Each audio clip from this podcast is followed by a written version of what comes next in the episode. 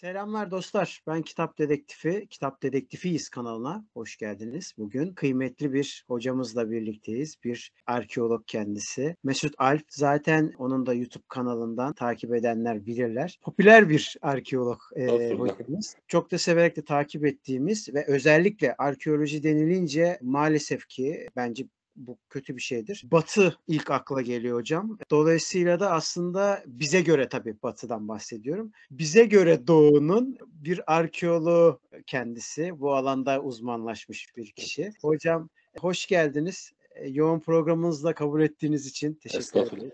Estağfurullah ben teşekkür ederim. Hoş bulduk. Ben her zaman söylerim. Bizim gibi nacizane heybesinde birkaç tane kelam doldurmuş birileri varsa bunların paylaşım alanını yaratan sizlere e, öncelikle müteşekkir olmak lazım. Çünkü bilginin kutsiyeti yanında saklamakla değil paylaşmakla gelir. Bizim de hani sahip olduğumuz bir şey değil. İşte heybemize ne dolduysa hocalarımızdan, kazılardan e, ve büyüklerimizden onu paylaşabiliyorsak ne mutlu bize. Ben teşekkür ediyorum davetiniz için. Sağ olun, var olun. Konumuz arkadaşlar bugün Mezopotamya'da demokrasi. Malumunuz e, zaten seçimler vesilesiyle Türkiye artık girdi. Ne zaman olacağımız belli değil ama sonuç itibariyle böyle bir atmosfere girdik uzun zamandan beri. Ve bu atmosferden dolayı biz de bu işin tarihi nedir? Biz nerelerden besleniyoruz? Anadolu topraklarına bir şekilde değen kültürlerde nasıl oluyor bu iş diye bir ufaktan bir giriş yapalım diye bir girizgah olsun. Belki de şeye bile vesile olabiliriz. Buradan duyup da başkaları da konuya bir açılış yaparlar. Mesut hocamın da e, katkılarıyla, değerli katkılarıyla.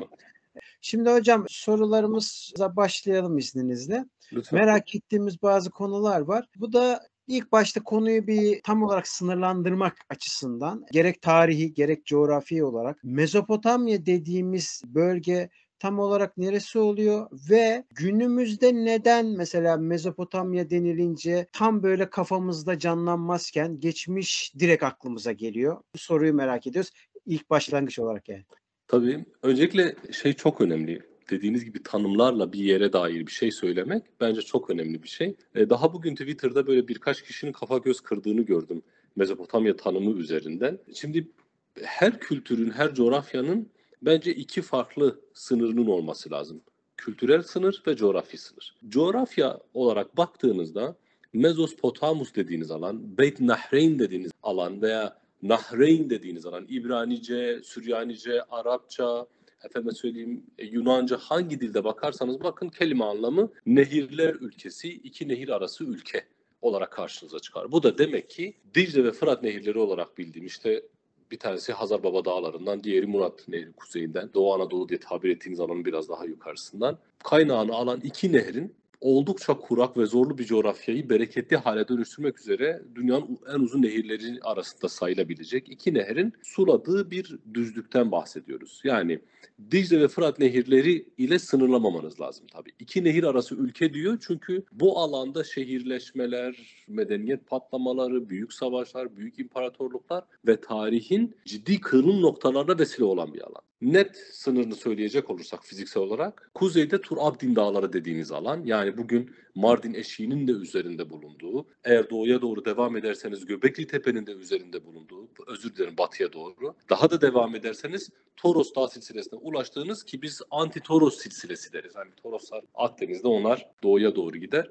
Kuzeyde Turabdin Dağları, güneyde Basra Körfezi, batıda biraz Fırat Nehri ve Arap çöllerini esas alın. Doğusunda da Dicle Nehri'nin hemen ötesindeki Zagros Dağ silsilesi bu belirlediğimiz dört sınır içerisinde Zagros Dağları ve Dicle Nehri'nin biraz doğusu, Fırat Nehri'nin biraz daha batısı ve Arap çölleri, Turabdin Dağları, Basra Körfezi, çekirdek Mezopotamya'dır. Fiziken, kültürel olarak buranın içine İsrail-Filistin coğrafyasını alın, Ürdün'ü, Lübnan'ı alın, Malatya'ya kadar uzanın, yukarı Elazığ'a kadar çıkın hatta. Hatta ve hatta Van'ın güneyinde bazı kazılarda Tilkitepe diye hatırlıyorum ama emin değilim. Halat kültürüne dair Kuzey Mezopotamya'nın çok tanınmış bir kültürüdür 5500'lerde. Oraya kadar etki eder. İran'da e, Zagros dağlarını aşar. Elam kültürüyle beraber işte Basra Körfezi'nden İran topraklarına sızar. Aşağıda Basra Körfezi'nde tekrar batı kısmında biraz daha Arap coğrafyasının hinterlandına girer. Genişler. Kültürel sınırlar çünkü fiziki sınırları dinlemezler.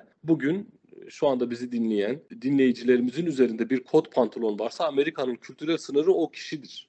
Onun giydiği yerdir veya ince belli çay bardağında çay içmeyip kupada içiyorsanız yine o kupanın icat edildiği, o kupanın esas e, kültür objesi olduğu bir alandır. Veya bugün benim evimde ince belli çay bardağı varsa Paris'te yaşıyorsam da o e, ince belli çay bardağı Anadolu kültürünün sınırı burasıdır. Kültürel sınırları da böyle ölçmek lazım. Onun için biraz daha Anadolu'nun içlerine hatta Kayseri'ye kadar etkisi olduğunu biliyoruz. Rahmetli büyük hocamız Tahsin Özgüç'ün Kaniş Kavrun olarak bilinen Kültepe kazılarında biz Mezopotamyalıların mahallesinin olduğunu biliyoruz. Yani Anadolu'nun birçok yerine sirayet etmiş Hititlerin yazılı metinlerinin babası ve anası olabilecek bir kültürel etkileşimden bahsediyoruz. Peki bu topraklardaki demokrasi için arkeolojik kanıtlar ne zaman başladı? Ya da şöyle de sormak geliyor içimden. Günümüzü falan görünce de hiç başladı mı acaba? Asıl soru bu. Şimdi soru sordunuz. Mezopotamya'da siz şeyden bahsedemezsiniz, demokrasiden bahsedemezsiniz. Yani antik çağda. Şimdi her şeyden önce biz yazılı sürece kadar yani yazı icat edilmeden önce biz Mezopotamya'da Natufyan kültürler, Obeyd kültürü, efendim Samarra kültürü, Hasuna kültürü, Hallaf kültürü diye çeşitli kültürlerle isimlendiririz. Burada dinleyicilerimize bir küçük e, ipucu verelim. Meraklısı devam eder onu takip eder. Bu kültürlerin isimleri nereden geliyor? O kültüre dair çanak çömleğin ilk bulunduğu tepeden ismini alır. Mesela Halaf tepesi şu an modern Suriye topraklarında bir tepe olmasına rağmen Anadolu coğrafyasında yapılan kazılarda ana, Halaf kültürünün çekirdek bölgesinin aslında güney değil kuzey olduğunu göstermeye başladı. Domuztepe'den Kazane'ye vesaire birçok yerde çok güçlü olarak çıkabiliyor. Yani bu saydığım isimler o kültürün ilk tespit edildiği tepe ismidir. Yani yazı yoktu nereden biliyorsunuz diye sorarlarsa böyle bir açıklama yaptık. Yazı çıktıktan sonra artık biz her şeye dair fikir sahibi olabiliyoruz. Etnisitelere dair fikir sahibi olabiliyoruz. Konuşulan dillere, sosyal hayata, dini inançlara, efendim politik diskur her şeye dair bir fikrimiz var artık. Çünkü yazılı metinler var elimizde.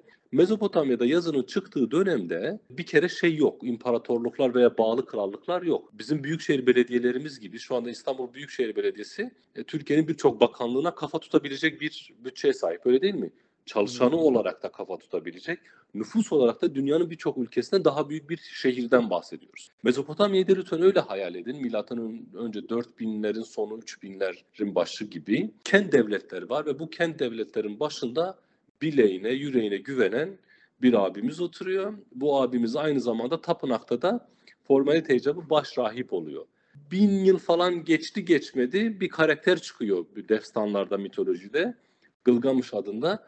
O bize günümüz modern çağın liderlerinin prototipini çiziyor. Diyor ki ben yarı tanrıyım. Ben kutsal bir kanı temsil ediyorum ve tanrılarla iletişimim var. Bu Yunan'da, efendime söyleyeyim Grek'te, Roma'da, günümüz krallıklarında mesela birkaç sene önce Japonya prensi ya da imparator güneş tanrıçasıyla öğle yemeği yedi ya da akşam yemeği bilmiyorum birkaç milyon dolara mal oldu ve Japonya'da büyük bir krize vesile olmuştu. Yani bir tanrıçayla yemek yiyebiliyor bir imparator çünkü başkası dokunamaz. Ve Çin mitolojisinin yaratılışına bakın. Tanrılar önce toprak ve kil, kil ve çamurdan insanları yaparlar. Çok yorulur bu kadar insan üret yaratamam yani çok yoruluyorum artık der. Birisi de fikir veriyor ya o zaman yünleri çamurlu suya batırıp serpin böyle. Dünyanın üstüne atın. O yarattıklarınız halk olsun, elle yarattıklarınız da krallar olsun. Görebiliyor musunuz? Diğer böyle damlalardan müteşekkil bir topluluk. Mısır mitolojisinde buna benzer bir hikaye görürsünüz. Çok dağıtmayayım. Ama yönetici sınıfın üstün olduğu, üstün bir kanı temsil ettiği kanısı net bir şekilde artık Gılgamış deseniyle beraber bize önümüze konuyor. Kahramanın taşıyacağı özellikler, kralın taşıyacağı özellikler ve olması gerektiği şekilde yönetim e, bize bunu çizer ve bu hem başrahip hem bileğine güvenen arkadaşlar vesaire bize mutlak bir kişi tarafından yönetilen bir topluluğu gösteriyor. Yani ordu en güçlü kısım. Ordu aynı zamanda tapınağın da en güçlü ismi. Ha formalite baş rahipler, baş rahibeler var var mı? Var. Ama Tanrı'nın görevlendirdiği kişidir bizim liderimiz. Gılgamış bu örneklerden en eskilerinden biri ama sadece kendisi değil. Sargon da bize diyor ki böyle olmalı. Yönetim şeklindeki kralın özellikleri bunlar. Tiglat-Pileser de bize söylüyor. E, Adat Nilari de bize söylüyor. Mısır'ı terk eden Musa da Mısır'ı terk etmesine vesile olan Firavun da bize bunu söylüyor. Bakın İbrahim soyuna bakın. İbrahim'in kendisinden devamına bakın. Her biri kendi kabilesinin lideridir. Liderdir. Ama her biri aynı zamanda kimdir? Tanrı'nın elçisidir. Davut kraldır. King David diye bir kral karakterimiz var değil mi? E, Kudüs'ü alan e, kişi, işte Siyon tepesine kalesini kuran, sesi güzel olan. E, Davut'tan sonra bakıyorsunuz Hazreti Süleyman dediğimiz pe- bir peygamber karakteri var. Cinlerle, hayvanlarla, kuşlarla konuşabilen, böyle bir gücü yetisi olabilen Hazreti Davud'un en küçük oğludur mesela. Ya da işte şeye gidelim, Yakub'a gidelim, Yusuf'a gidelim, Yunus'a gidelim. Hangi peygambere dokunursanız politik olarak da bir lider. Hazreti Muhammed'in kendisi de dahil. Politik olarak da bir lider görüyorsunuz karşınızda. Yani din ve devlet işleri birbirinden ayrılmamış. Onu bırakın devlet yönetiminde, krallığın yönetiminde bir şirk yok, bir ortaklık yok. Mutlak bir bireyin egemenliği söz konusudur. Bu bireyin danışma kurulu var mı? Var. Bu danışma kurulu bu Hititlerdeki Pankuş Meclisi falan şu bu öyle bir şey değil. Rahiplere fal baktırır. Rahiplere işte hava tahminleri ve yıldızlar okutulur. Gılgamış bileği güçlüdür. Gılgamış yıldızları bilmez. Gılgamış rüzgarı tanımaz. Ya da Sargon veya Tiglat-Pileser veya Aşurnasipar bunlar bilemez. Ama o rahip çocukluğundan itibaren daha önce çocukluğundan itibaren yetişmiş olan bir rahibin yanında yetişmektedir. O da başkasının yanında yetişmiştir. Binlerce yıllık birikim birinci elden aktarılır ve ciddi arşivler tutulur. Onlar yıldızların hareketlerini rüzgardan vesaireden sel baskınlarını işte kuraklık geçip geçmeyeceği gibi hesapları hayvanların ciğerlerine bağırsaklarına bakarak tahminlerde bulunur. Krala söylerler ve yine mutlak karar kralındır. Hatta krallar bazen o kadar raydan çıkar ki yani birkaç soruyu belki cevaplıyor olacağım ama kesmek istemiyorum hani bir bütünlük olsun diye. Tabii, tabii. Tanrılara baş kaldırırlar, tanrıların tapınaklarını yıkarlar ki bunların örnekleri de var Mezopotamya'da. Hı hı, hı. Peki antik Yunan'da bir demokrasi görebiliyoruz bir şekilde. Yani en azından tohumlarını görebiliyoruz. Mezopotamya için ama bunu tam olarak söyleyemiyoruz. Az önceki söylediğiniz veriler ışığında söyleyemiyoruz. Ama mesela şunu merak ediyorum. Birazcık şey olacak. e, Türk usulü bir soru olacak da. Ya hı. kardeşim hiç mi yoktu? Hani yani hiç mi derken en yakın. En yakın hiçbir zaman olmadı mı? Babamın benim arkeolog olmamı anlamamasındaki ısrarı da böyleydi. Hiç mi doktor olamayacaksın demişti bana. evet hiç. Aslında güzel dostum şey yaparsan bir Yunan coğrafyasını gözünün önüne getirsene. Senin 5000 tane akraban var ya da 2000 tane akraban var ve bu 2000 akrabanın da dostları var. Ve siz veya sen ve ben e, politik bir iki evlilik yapar yaparak 1500 tane biz bir klanız. Siz 3000 kişilik bir klansınız. Bir araya geldik. Bir koyu kendimize işgal ettik. Denize yakın bir koyu. Biz denizci iki kabileyiz, iki klanız. Bir araya geldik. Ticaret yapmaya başladık. Bizim başka bir şeye ihtiyacımız yok. Yani kendimizi ifade edebiliyoruz ve bağımsızlaşabiliyoruz. İleride başka birisi bunu yapıyor. Bakın küçük küçük bizim İyon Ken devletleri dediğimiz modeli gözünün önüne getir. Bunlar ortaya çıkmaya başlıyor ve her biri inanılmaz zenginleşebiliyor. Neden? Her biri kapattığı, koruduğu limanın arkasındaki ham maddeyi de kontrol edebiliyor. Tüccarlarla olan ilişkileri üzerinden deniz kavimlerin veya öte yakadaki kavimlerin içlere doğru sirayet etmesi gerekmiyor. Gelip oradan istediği keresteyi, balı, şarabı atıyorum, bakırı, gümüşü, altını neye ihtiyacı varsa oradan tedarik ediyor. Alan kazanıyor, satan kazanıyor. Böyle olunca küçük küçük devletler oluşuyor. Bu küçük küçük devletlerin oluşması savaşlar mesela biliyorsunuz Perslerin saldırıları söz konusu. Birçok ittifaklar görüyoruz. Bu ittifaklar neticesinde bir kentin bir yer, diğer başka bir kente üstün gelmesi söz konusu değil. Baskıdan dolayı ortaya çıkan bu koalisyonda birden fazla sesin kendisini ifade etme gereksinimi vardır ve ortak bir aklın karar alma gerekliliği vardır. Bu bir yönüyle görebileceğiniz. Bir diğer tarafı daha içlerdeki kendi devletlerinin kendi temsiliyetlerine baktığınızda büyük tüccarlar, ticariyle uğraşanlar, filozoflar ve bu filozofları, bu sanatçıları himaye edenler gibi böyle şehir kültürünün çok daha üst bir yere taşındığını görebiliyorsunuz. Bakın şehirleşme normalde eğer düz bir çizgi çizerseniz Kuzey Mezopotamya'da Göbekli ve civarında ortaya çıkması lazım. Çünkü ilk yerleşimler, dünya tarihindeki ilk anıtsal yapılar buralarda ortaya çıktı değil mi? E buralarda çıktıysa o anıtsal yapıların olduğu köylerin zaman içerisinde şehre dönüşmesi gerekiyordu. Ama öyle olmuyor.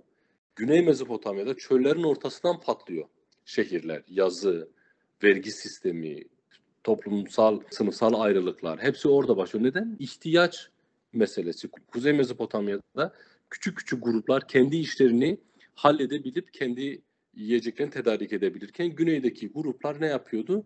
1000-2000 kişinin bir araya gelip kanallar kazması gerekiyordu. Birilerinin 2000 kişiyi doyurması, giydirmesi, maaşını ödemesi ve kazacakları kanalları hesaplaması gerekiyordu.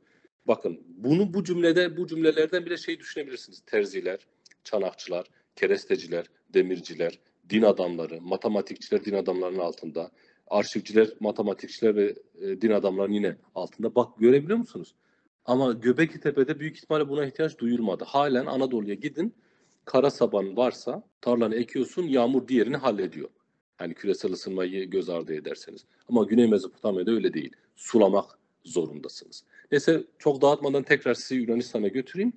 İç bölgelerde küçük küçük gruplar e, şehirlerle büyük ilişkiler içerisine girebiliyorlar ve bu küçük gruplar şehirlerin periferisindeki diğer alanları temsil edebiliyorlar. Yani her biri bir bölgenin temsiliyeti olarak o kent devletine gelip söz sahibi olmak istiyor. Bu da beraberinde mecburi bir meclis ortaya çıkarması da vesile oluyor. Bir tartışma alanı ve bu tartışma alanlarına bakın tesadüf değildir. Agora'nın hemen dibindedir ya da üstündedir yani. Gidin Anadolu'daki tüm o kentleri dolaşın. Sagalassos'undan Simirnas'ına hepsi Agora ve meclisin beraber olması tesadüf değildir. Demek ki o ticari sirkülasyon, o meclisin orada olması göbek bağıyla birbirine bağlı.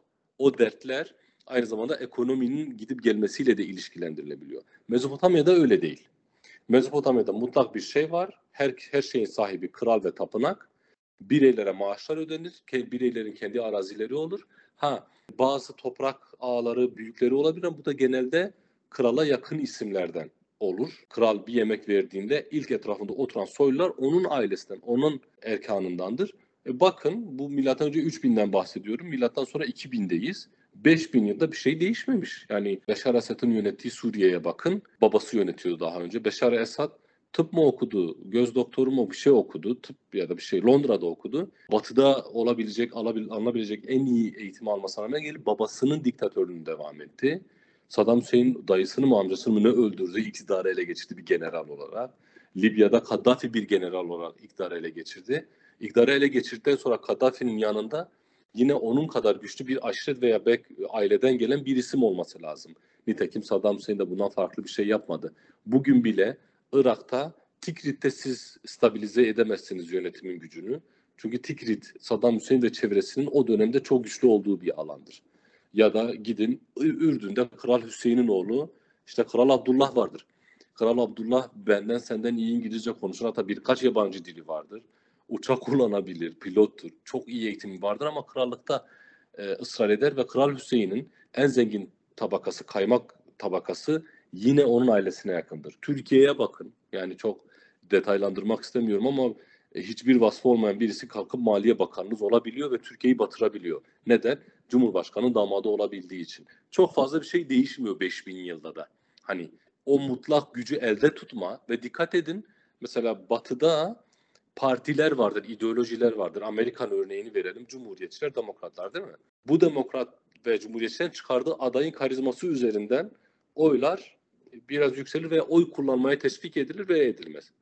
Türkiye'de ve Orta Doğu'da karizmatik lider üzerinden parti oy toplar. Lideri çıkar da parti biter. Özal'ı çıkar ANAP gider. E, Demirel'i çıkar DP gider. Erdoğan'ı çıkar AK Parti gider gibi. Yani her her topluluk Orta Doğu'daki biraz daha o tanrı kral modeli vardır ya ya da peygamber kral modeli terk etmiş gibi görünmüyor. Bundan dolayı demokrasi günümüz antik çağ vazgeçtim günümüz için söyleyeyim. Halen içselleştirilmiş bir olgu olduğunu düşünmüyorum. Her ne kadar e, mesela seçimler yapıyoruz değil mi? Yapılan seçimlerde yine dünyada, bu Avrupa'da buna dahil çoğulcu demokrasi olarak bildiğimiz aslında çok zorba bir sistemle yönetiliyoruz. Demokrasinin gerçek var olma mekanizması bu değildir. Beş kişinin evet deyip bir kişinin hayır demesine rağmen ve beş kişi hayır dediğini bile bile de ona bunu zorla yaptırma gücüdür. Bizim algıladığımız demokrasi. Hayır. Demokrasi beş kişinin bu biri ikna etme yoludur. İkna etme yöntemidir. Ve halk da bundan şikayetçi değildir. Dikkat edin. Saddam Hüseyin çok eleştirenler hep şey der. Irak onun zamanında daha güvenli. Ya adam tek kalemde 5000 kişi öldürüyor. Ha, 5000 kişi. Enfalde 300 binden fazla Kürt e, insanını çöllerde öldürdü. E, hayat kadını yaptı. E, seks kölesi olarak Mısır'a sattı falan. E, yeryüzünde anlatılabilecek en barbar, en vahşi, en cani inanıyorsa da Allah'ın rahmeti onun üzerinden atlasın hani değmesin ona. O kadar barbar bir adamdan bahsediyoruz. Yine toplumsal düzende onu iyi bir yere koyar mesela kafa. Neden? Çünkü onun çok yabancı olduğu bir şey yok. Aşiret sistemi var arkasında geldiği, klan sistemi var arkasında geldiği vesaire. Hı hı.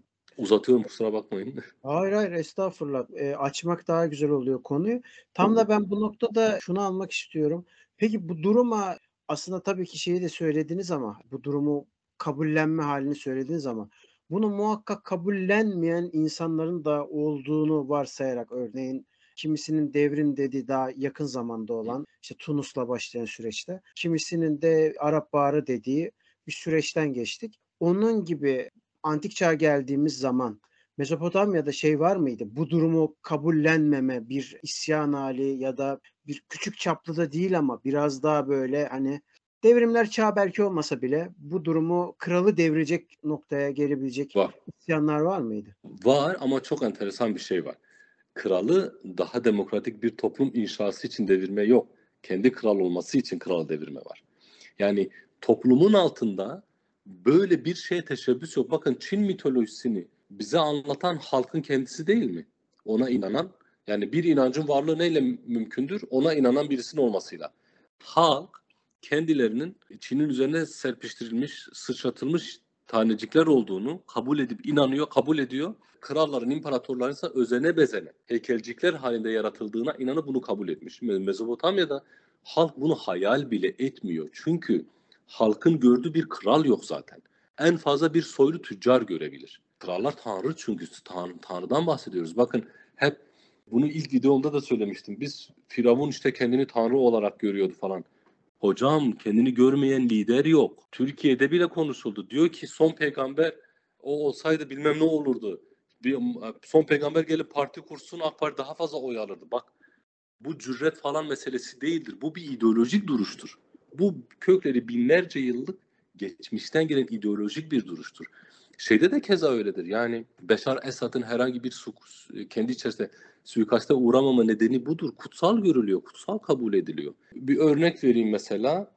Sargon'da o vardır. Gelir, kendisini soylular listesinin içerisine alır. Ve bize şöyle bir hikaye anlatır. Ben aslında soylu yani bir tanrı, yarı tanrıydım. E, benim doğduğum zaman ilk doğan çocukları öldürüyorlardı. Beni sepete koyup nehre bıraktılar. Sonra sarayın orada beni buldular. Sarayın işe asker olarak beni aldılar. Sonra ben hakkım olan tahta ele geçirdim. Çok tanıdık gelmiyor mu? Hazreti Musa da bunun aynısını yapmadı mı? Bize ve bu hikaye Musa hikayesinin yazılmasından bir 500 yıl önce falan. Sonra Tiglat Pileser diye bir adam Pul diye geçer eski ahitte. O da aynı hikaye basket boy dediğimiz, sepet çocukları dediğimiz bir kavram var tarihte.